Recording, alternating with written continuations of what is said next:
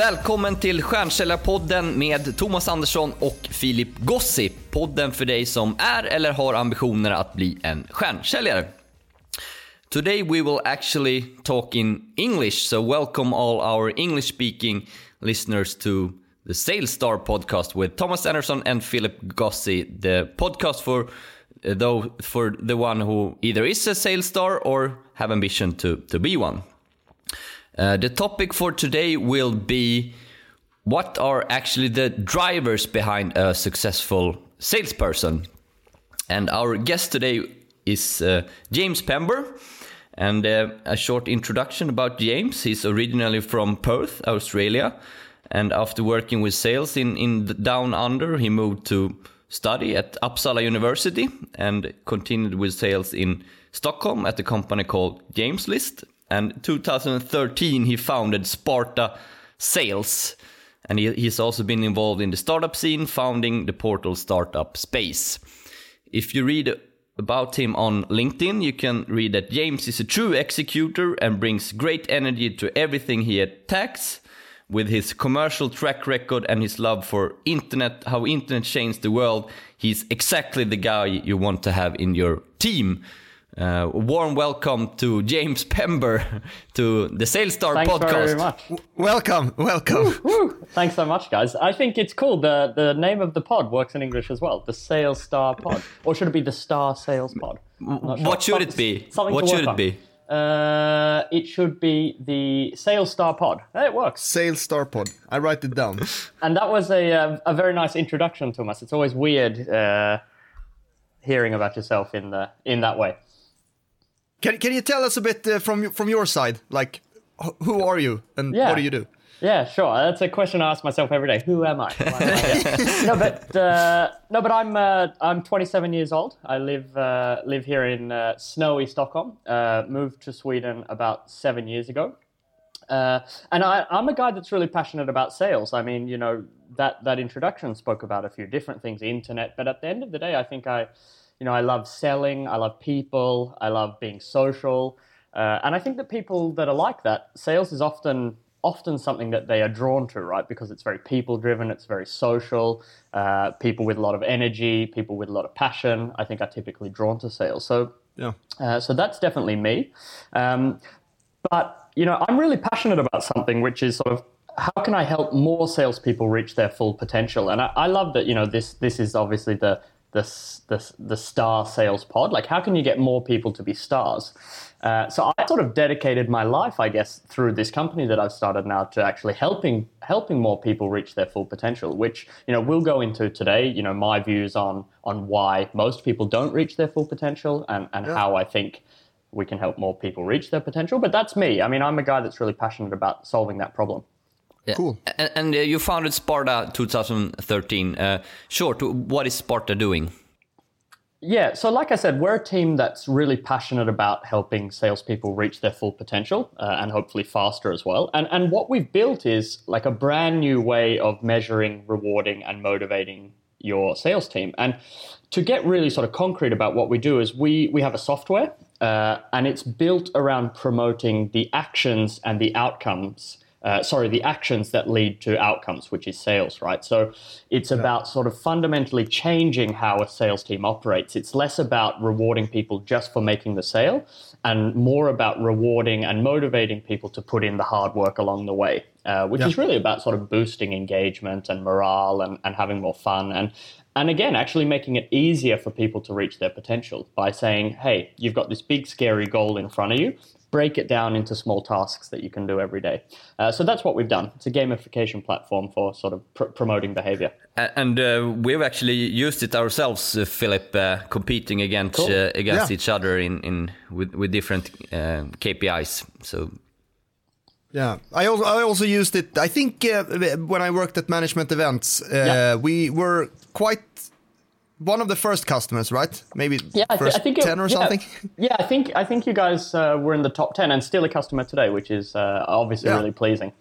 Yeah, and I I, I, th- I think it worked very good for for for my sales team uh, because I had the sales teams across uh, across the Scandinavia, so it Mm. worked very well to visualize and and uh, as you said, put put uh, a little bit uh, you know funnier and and smaller goals than just the sales Very good to hear. to get people motivated.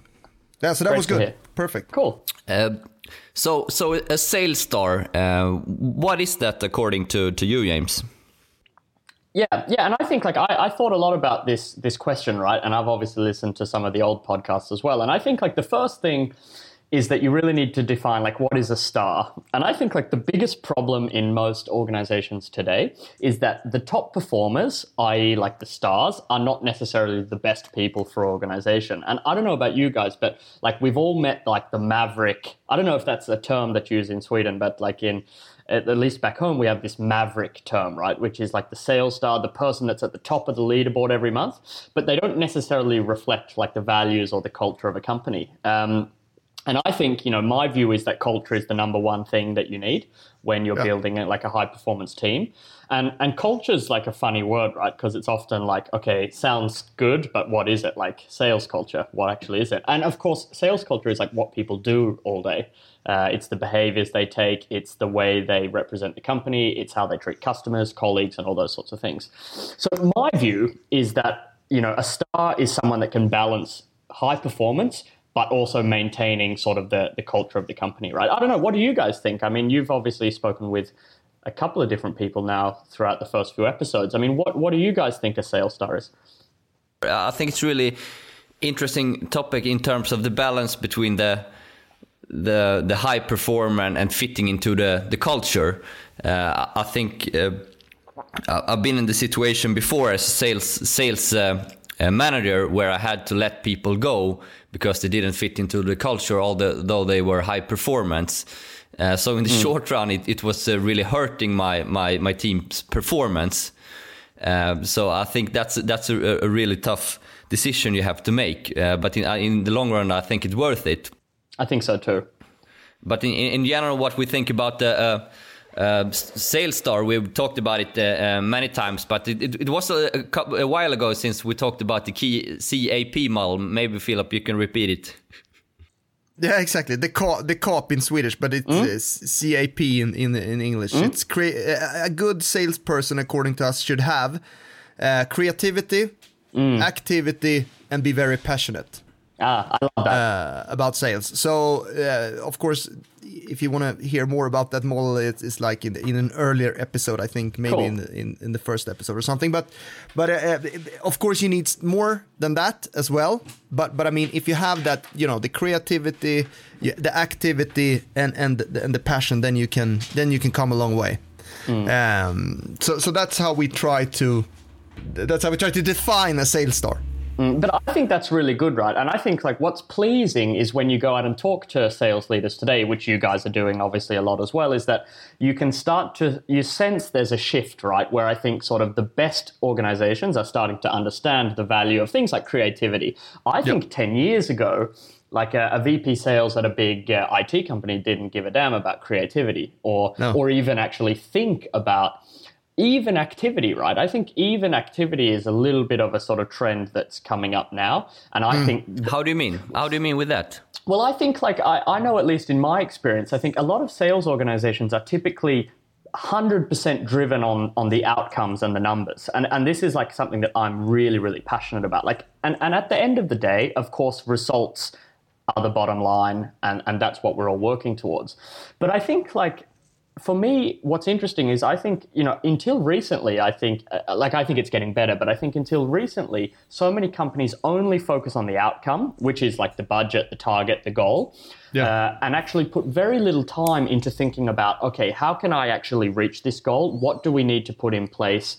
Uh, in order to reach this goal, what are the behaviors that people need to to change in order to reach this goal?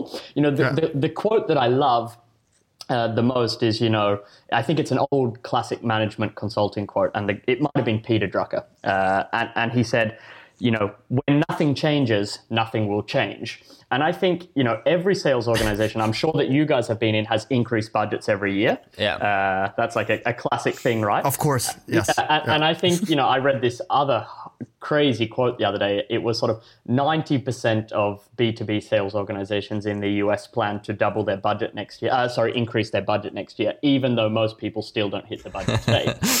uh, and so, so, so, so, what I think is interesting about uh, activities and behaviors and actions is if you do not fundamentally change what people do all day, how can you possibly expect to see any change in the outcomes. Mm. I don't know if you guys can you relate to that, right? And like we've all been uh, sales people and sales leaders, and I think there is a I've fallen into the trap myself, where you walk into the team and you say, "All right, guys, uh, you know, budget's going up twenty percent this quarter. You know, we just need to do it. Let's go, go, go." Uh, and then you actually sit back and reflect and think, "Wow, but I didn't actually I didn't actually help my team change anything. I don't know. Can you relate to that at all? Yeah, I mean, uh, the, the, what, what I'm thinking about when meeting a lot of companies is that they don't have KPIs other than the you know the budget. This is what you're bringing in, but they don't have it because it's like it's not. Um, it's not nice to have, or it's just it's uh, ugly to have uh, KPIs mm. on, for example, meetings, yep. phone, you know, how, how much you pick up the phone or how nice, how nice, nice you are for, uh, to, to a customer. Yeah. You know, it's, it's, uh, how, you meet a lot of companies since you are talking about KPIs and, you know, what should you measure and stuff every day. But how do you see the, what, but, do you meet a lot of co companies that think like that. You, if you yeah. can add one thing just to that uh, before, sure. uh, just that the perception is also from the sales leader that is what motivates the sales rep is the outcome it's also of course they don't have the, the KPIs exactly. if they, they don't think it's motivating. They think that the, the, the end result, the budget, is what what is motivating them. And, and, and, and, and I think like that's very related, guys, what you're both saying. So Philip, first on, on, on your point about KPIs, I agree. Like most organizations, you would be shocked uh, when you walk into a very big brand, like a very big global enterprise company, yep, that they yep. don't actually measure all of the steps throughout the process. For me, that's really weird. It it's is. really weird. It is, and I think like I think a couple of things. I think like, one, it's a pain in the ass. Like like track measuring KPIs is a nightmare, right? Like we can all say that because using the CRM is not super fun. Uh, mm. Getting salespeople to report what they're doing all the time is not necessarily fun. And I, but I think you know, in order to shift that, you need to really sort of shift the motivation for a sales rep to understand why they should actually sort of track exactly. and measure those yes. things. So I, th- I think yeah. that's one. And then I think, um, to your point, Thomas, I agree. I think one of the biggest misconceptions in sales today is actually what drives people. And, and, maybe we can sort of segue into that topic. Like, what actually drives salespeople or, or actually, what drives anyone to do anything? I mean, that's a, that's a more relevant question, right? Because I think often in sales we talk about okay, what drives salespeople, but salespeople yeah. are not different necessarily to accountants or mechanics. Or yes, there there are some certain personality tweaks and, and some things, but but pe- people are people, right? Um, yeah. And, and there's this there's this great book. Um, maybe some of you guys and the listeners have heard about it. It's called Drive uh, by Daniel Pink. Uh, and and Daniel Pink's a funny guy. Like he does TED talks. Uh, it's a little bit cliche uh, TED talk style, but his book called Drive is really really good, and I recommend everyone check it out. It's like 100 kroner on Amazon, and he says that there are three things that drive every single person to do anything, uh, and and they're three things, and I'll go through them. The first one is purpose, uh, and purpose is you know, why even come to work every day? Yeah, exactly. Uh, and, and, I'll come back to that one in a second. The second one is autonomy, which is, you know, a freedom to sort of design your own work habits and schedule and way of working. Basically, are you not a slave, you know, getting whipped in a chair to, uh, you know, pick up the phone more? And the third one, which is very interesting, is mastery. Uh, and mastery is about how can you practice your skills and your craft and improve over time. And I think you know, the, the big problem today is that most workplaces don't consider these three things. What they do mm. is they say, we've set a target for you, Thomas, and if you hit it, you're going to get a bottle of wine, a trip to Hawaii, and a big bonus. Um, and I really think that that's like, I think, it doesn't matter what I think, it's been proven now that uh, financial motivators are actually a very poor driver of long-term performance. Like it's actually proven yeah. now, like it's indisputable uh, that like cash, uh, whether it's a bonus, a prize, or a commission check, it's it's a great driver of short term performance, I.e., in a call center, if I say to you guys, okay, the next person to sell a broadband subscription gets 500 krona, like that's going to work. Um, however, that doesn't work for like complex work. It doesn't work for creative work. Uh, mm. It doesn't drive long-term performance. So I think you know companies need to start thinking more like holistically around how they design their their like motivation. Do, do you think that will change? Do you think that will change uh, even more when uh, you know the, the the generation Y is entering? Yeah. Yeah, yeah, and, and that that's what you can see, right? And I think you know one of the problems with this stuff is that okay, so take purpose, right? Like purpose is something that you know, okay, you guys are building your own company. That that in itself, like your purpose is like, I'm going to come get out of bed and come to work every day to build this company. Yeah. That's a big purpose, right? So it makes it easy for you guys to work hard, put in long hours, push the extra mile. It's also easy to be like mission driven if you're Google or Facebook or Airbnb, right? Yeah, exactly. uh, or Uber or like, because they have these big missions that are very easy to understand, but very yeah. cool as well. I read, um, uh, you know, Airbnb have this mission statement. I'm sure everyone knows who Airbnb is. They have this mission statement. Uh, we want everyone to belong everywhere. It's like so cool, right? It's exciting. It's a it's a big, yeah, it's a it big is. mission. And if you're a software engineer or a uh, account manager, you know it's easy to get excited about that. It's yeah. actually hard though if you're selling printers or office supplies. Like it, like what is the purpose? And I think it doesn't it doesn't mean it's impossible, but as a sales lead, I think you need to work really hard to to make people understand why they come to work. Because when you yes. tap into that, when, like I've seen magical things happen when you when you get a workplace to start functioning as a mission driven organization. The other things become less important. People don't care about cinema tickets or bottles of wine or you know bonus bonuses right? They come to work for another reason. I like, I like what, what i'm hearing james and i think this is like the deepest moment of the sales star pod in, in, in our history so far. Like what drives anyone to do anything? Like it uh, um, but a question to the it's a really good point but how how do you like the perp if you sell you said printers um, uh, not nothing wrong about that but but how how how do you as a company build a like a purpose and, and around around that for instance?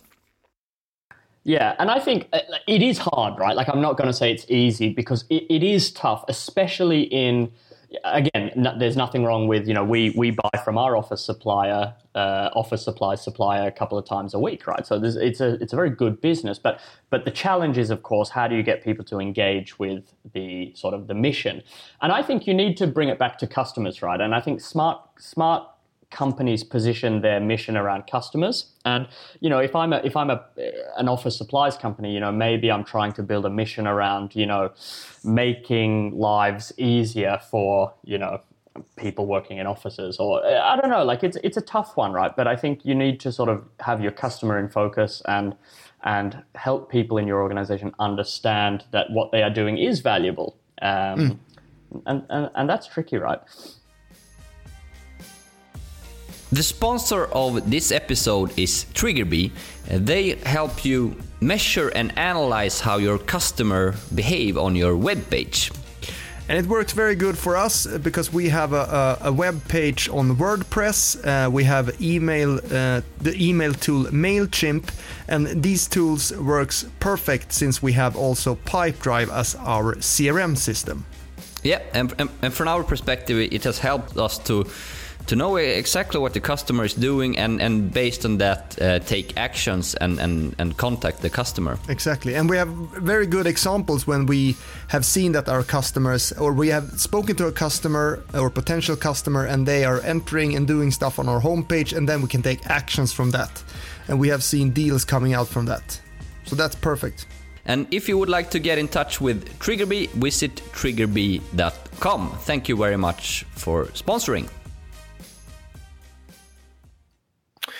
So, what do you think is the like the, the biggest mistake companies make uh, when thinking about motivation uh, or to motivate their stuff? Yeah, and to drive so, performance. Yeah, so I think I think there's a, a, couple of things, and I think it's a it's a uh, it's a mix of everything we've been talking about. One is that organizations don't invest time in thinking about purpose, autonomy, and mastery. I.e., they don't spend time being thoughtful about how do I create a workplace that makes people self motivated? Because the big like elephant in the room here, right, is like we shouldn't have to actually think too much about how do we motivate our salespeople. If we create an environment that is motivating, then Yeah. then then it's fine, right? Then you don't need all of this stuff, like all of this stuff on top. If you think about it, like all of this stuff with bonuses and bottles of wine and prizes, and that's all like salt and pepper we've sprinkled on top to actually make people do the work. Like it's almost like a bribe, right? It's like, Thomas, I know it sucks, but please pick up the phone a hundred times this week, and hey, if you do, I'll give you a uh, a bottle of wine. Like you're bribing people instead of actually getting people to be self motivated. So one, you need to invest time thinking about this. Two, and now I will get a little bit more concrete because I know this is very theoretical, but the biggest problem with these financial incentives, uh, other than the fact that it's been proven that it doesn't actually work very well, is that it only speaks to the top percentage of your team. Every and, and, and let me know if you guys disagree, but every single team I meet, in terms of performance, looks the same. You have a small number of top performers, a small number of people that aren't performing at all, and and most people are in the middle, right? They're, they're between like you know 50 to 60, 40 to 60 percent of their budget every month.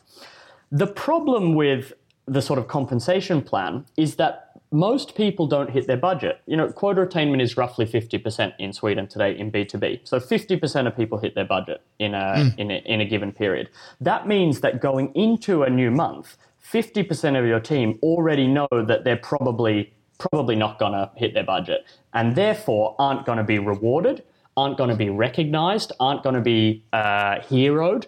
Uh, and so, what, what I think the best organizations do is they measure and reward different things. And, and I talked a little bit about sort of actions and behaviors. And I know it can sound a little bit fluffy, but if what happens when you start rewarding people for doing actions, and it can be KPIs, like you said, Philip, it can be meetings, but it can mm. even be going a step back, right? You know, one thing that we've done with our product is we've helped organizations actually go even before KPIs, which is behaviors. And so that could be asking customers for feedback. Maybe you should be rewarded every time you ask a customer for feedback. Is Yeah. it sharing valuable content on social media? Is it helping a colleague to close a deal, like investing in team uh, teamwork? Is it informing the customer about a new product launch that's coming up? Um, because what happens when you do this? The magic is when you reward people for doing something that anyone can do, like your best sales rep or your worst sales rep can actually do those things what happens is magical, right? Because then everyone is on board, everyone has a chance to win, everyone has a chance to shine. Uh, this big group of people in the middle are suddenly getting recognized for doing things because they're they're this forgotten group, but- right? Because the top, the uh, sorry, you go, Thomas. Ah, so sorry, I, I, sorry for interrupting, but but is, No could it be too much for a sales director? Like now we have uh, all these KPIs and and and uh, like, can it be too much? I, I guess that's a question you get quite often. Like this will Yeah. be too much of statistics and and and everything. What do you think about that? Mm. Yeah, and it's a great point, right? Like one of the big problems is obviously you don't want an overload. So what we encourage organizations to do is strip back actually. Because here's the thing, right? Like the, the big the the big idea in my mind is that when you get people to focus on actions, outcomes are a natural result. So if you do, if you, if you, I don't know what you say, Philip and, and Thomas. I mean, you guys are working with this all the time, but if you do all of the behaviors and the actions, if you, um, you know, uh, if you are great towards your customers, if you hit all of your activity KPIs, I mean, you will most likely hit the outcomes, right? Or, I mean, Yeah, what yeah, do you guys think? Yeah, I, I agree. So, Normally, yeah, yeah. exactly, exactly. And so what I think is that actually stop talking about the outcomes as much. The outcomes are just outcomes of the actions. And so to answer your question, Thomas, we actually often recommend when we go and meet and, and, and deploy our software inside an organization, we actually strip back some of the KPIs. Stop reporting on every KPI. Actually focus on the things that matter. Uh, and if people focus on those things, the rest will take care of itself. Because you also don't want to be. I mean, the second point of Daniel Pink's uh, concept is autonomy, right? Which is, uh, I don't know if autonomy is a word that's uh, super obvious to everyone, but autonomy is a feeling that people are in control of their own destiny, right? And the opposite of autonomy is micromanagement, which which is something that sales often falls into. Like it's easy to micromanage, especially when things aren't going so well. So uh, so you know, I think often it's about saying, "Hey, we don't need to measure these 57 KPIs. We're going to focus on the three behaviors that are going to drive success for us, and then let's let's let's you know let the results Okay, so so themselves." pick out a few. But but uh, an- another feedback I've heard is that, uh, especially according to the generation Y, that uh, they they need to they um, expect credit for showing up to work. They expect credit for everything. Like they they are they are so much in, in uh, getting credit for everything all the time. Like Hmm. shouldn't uh, parts of this be in your work description? Like sh- sh- should should everything? Uh, yeah, uh, yeah, you understand my point. Yeah, and I, yeah, I think, and it's like it's I I uh, I deal with this one all the time, and I think it's a funny one, right? And and I, I mean, I'm Generation Y, right? So like maybe I'm not the best person to answer it, and I I assume you guys are also. Uh, however, Well, I. Sorry, sorry. Philip. exactly on the you know level We- of We- We're generation, the last right? year of Uh, Generation Y, so yes, we are. yeah, exactly. and and so I think um, I think you can fight against it. Um, you can definitely push back and and get uh, get irritated by the generation, or you can embrace it. And I think Yeah. I've seen the best organizations embrace it. And and hey, like think about it for a second. Like when you're saying that, oh, but people shouldn't get cred for just doing parts of their job. Like if you think about what you're saying there, like I understand it's an easy reaction. It's actually also kind of like a, it's kind of like a a kind of unproductive thing to say, right? Like what you're really saying is like, I don't want to give you cred for doing good things. Yes, it's part of your job, but when you do your job, you should get cred. So I often push back Yeah. on that and say like, hey, what's what's so hard about giving people cred for doing stuff? Like I don't I, like I don't understand what the big problem is. Like okay, people come in on time, uh, they pick up the phone, they book meetings. People should get cred for that. Like like if you don't want to give people cred for that, like you're not going to be a great sales leader, especially in in uh, in the in the future, right? With the with the millennials and Gen Y coming through. So embrace that uh, because when you also when you do it, a big part of you know where I was going before is when you give everyone a chance to shine again by rewarding actions, not outcomes, uh, then you give a lot more recognition. Because today, if we only if we only give people cred for hitting their budget, okay, that means two out of ten of my team are going to get cred. Eight Yeah. out of ten are going to get nothing. Isn't it better that we give cred to nine out of ten? Because if we if we believe that giving cred is a way for people to feel better at work, uh, and I think that's fair. Like that's a fair hypothesis. Peop like recognition is a big driver of uh, a big driver of engagement at work, and if engagement at work leads to better performance, like so, I think you need to think. I think you need to ch- anyone listening that sort of falls into that. Oh, but ah, like this Gen Y, they're so annoying, and all they want is a gold star for showing up. Like cha- cha- challenge yourself Okay, and, yeah, and, yeah. and and and reflect. Uh, Yeah, reflect I- on like why am I, so I angry you, but this? if you're born in the in the 40s, uh, I, I might. It, it, I don't know. It might feel a little weird to get a, a, a reward for showing up at time. Like, uh, but but I, I, I, I get your point. here's a fun thing. Just just before i just before we move on i, I like a, a fun anecdote from my side. One of the one of the best things that i see in a sales organization is when those people born in the 40s start getting cred because they're so not used to it right? And, so, and so this this amazing thing happens when like man it's a little bit like the what drives anyone to do anything. Like you're a weird person if you don't like getting cred like, Yeah. like what? Who doesn't want to get cred for doing a good job? So I think like it's about what what what I'm passionate about is like breaking all of these old weird things in sales, which is like, yeah, but you know, it's your job to cold call. You shouldn't get a, Yeah. you know, get cred for it. Like, hold on, man. Like, let's give cred for people doing hard work. Like, what's the harm in that? Our second sponsor of today, Ricoh, have a message and that will be delivered in Swedish. Vi sponsras av IT-företaget Rico som har över 100 000 anställda i 200 länder. Och eh, de erbjuder kommunikationslösningar som videokonferenser till företag, digitalisering av dokument och IT-infrastruktur bland mycket annat. Och Rico eh, söker just nu nya stjärnsäljare och därför är det jätteroligt att ha med dem som sponsor i podden. De gör en satsning och ska rekrytera 10 stycken new account managers. Eh, om du skulle vara mer erfaren än att du är eh, så att säga, en ny, vill bli en nybliven säljare finns det även tjänster som account manager och major account manager.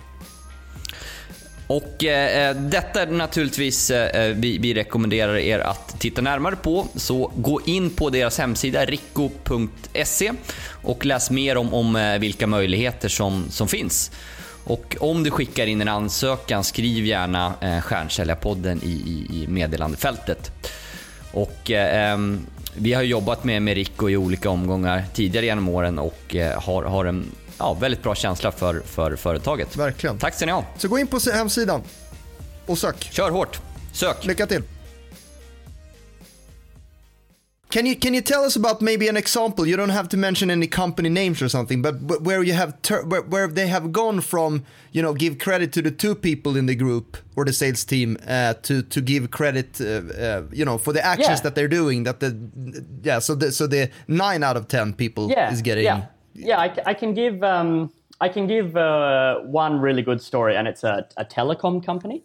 Uh, And uh, telecom companies are struggling. I'm sure there's some listeners from uh, telecoms uh, uh, listening to this episode now, and, and, telecoms are struggling because obviously their business is under threat from Facebook and WhatsApp and, and all those sorts mm. of things. Uh, so for telecoms, the biggest strategic priority today is customer satisfaction. Mm. And maybe even a step further, customer loyalty, because they will need to hold on to their customers now as they reinvent their business. Um, However, what they what they used to do inside the customer support division. So I'm, I'm talking about a, a customer support division. It's roughly yeah. four four thousand people. It's incoming phone calls. So when you have a yes. problem with your uh, subscription or your bill or or whatever, you you call in, and so they mm. accept incoming calls. They they were sitting there thinking, okay, customer satisfaction is number one. Okay, let's measure every one of these 4,000 people on, uh, I think it was, uh, it was either NPS or CSAT. Um, mm. Those are those are terms I'm sure people listening will understand. Customer satisfaction scores. There's you know Nöjd Kundindex in Sweden. There's like a yeah, bunch of different ones. But let, let, yeah. let's just say customer satisfaction. Um, and as you would expect, like any performance bell curve, you know, a small group of people at the top have great scores. Most people have okay scores, and then a few people have very bad scores. And they couldn't figure out how they could get the score up in general. And so when I met them, I started sitting sitting with the sort of the leaders of the company and talking about, okay, how can you actually get each one of these 4,000 people to impact their scores? Because again, it goes back to like if you change nothing, nothing changes. People call in, they solve the problem, they hang up the phone, and then um, you guys probably have it. Everyone listening has experienced this. When you call a telco or a bank or an insurance company, there is this survey they want you to do uh, exactly. after the call, yeah, and exactly. no, no one does it. Obviously, no. I mean, the, the, the uh, it's uh, less than. Uh, uh, you know less than 5% of incoming calls per day I, I can do it if i really like the company then i'm yeah. doing it and and this is where we're going right? And so this this is interesting right? But obviously getting people to fill out these surveys is the key to driving satisfaction right? Because people feel heard when they fill out surveys and you can act on the response obviously.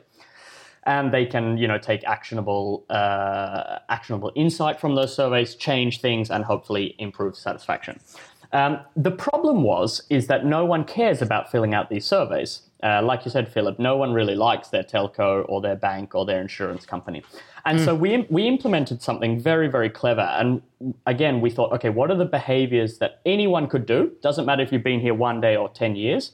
What could you do on the phone to every incoming call today to improve satisfaction? And all we did, it was so simple. We said, you get 10 points every time you ask the customer to fill out the survey which wasn't happening. I, am sure no one has ever asked you to fill out a survey. What happens no. is there is an automated message before the phone call. Please stay on the line and fill out the survey. Da, da, da, da, da. Yeah. And th- the most amazing thing happened. The obvious thing that happened, which everyone can guess. Obviously, when you tell people to do something, more people will do it. Yeah. Right. So obviously yeah. the obviously the surveys went up. We spiked maybe five percent or something, which was really really good. Um, the real magic that happened uh, was that suddenly everyone started realizing that, okay, because now I know I have this close at the end of the call, I'm in support, but still, I'm going to ask someone to do the survey, and they're going to probably tell me on the phone, yeah, no, I don't have time, or yes, I will do it. It forced them to give better service throughout the, the call, right? Mm. Because they had this natural close mechanic at the end of the call, which they had never had before. And so all the numbers started spiking. You know, satisfaction went up, sales went up, more calls were solved on the first call. There were less calls being transferred to tech and other departments. And so it's a very simple example of by taking the behavior that you believe will impact the numbers and focusing on that, that's how you change the numbers. Not not Uh, just exactly. bec- not not just because the action improves the outcome, but everyone suddenly could could take that action. And so we had four thousand people uh, handling thousands of calls per day, and every single call now, and, and and you know six months later, still it's part of their routine and training now that they ask the customer or they, they pitch the survey. You know, Thomas, uh, uh, your new phone is on the way. Thanks very much for doing business with us today. Uh, by the way, would you take a minute to do the survey? We would really appreciate it. Okay. That's it. And and that and that had a huge impact on the numbers. Good, good example. Uh, so this is this is powerful stuff, Yeah. right? Um, Yeah. Yeah, it's- it- it is. and it's and it's and it's obvious. Like it's it's obvious that like if you want to achieve an outcome, what are the things that you can do today? And it's not just KPIs; it's even before that. Uh, I'll give you one more example. Then I know I, I I'm passionate about this. one short example. Um, we we met a customer, uh, and they started looking at their phone phone call activities. Uh, and they realized that okay, you know, some some people are doing far more calls than others, and and they actually realized that the people that stand up do more calls than the people that sit down. It kind of makes sense, right? Like yeah, more energy, less slouching in the chair. And again, so instead of saying, guys, you need to do 100 calls per day, they said, guys, you need to stand up, or actually, not you need to. You will be rewarded if you stand up from 8 till lunch. And more So calls. you- they measured sim- that. That's cool. Stuff. Uh, Yeah, But that- yeah, Um, yeah. And then the calls went up, and they didn't need to measure it. They didn't need a KPI for calls. Yeah, that's a good example. Okay, guys. Uh, last last question for you, James. Um, if we look into the future, what what do you see in the future, the coming years of of a sales star? W- w- what is he or she doing?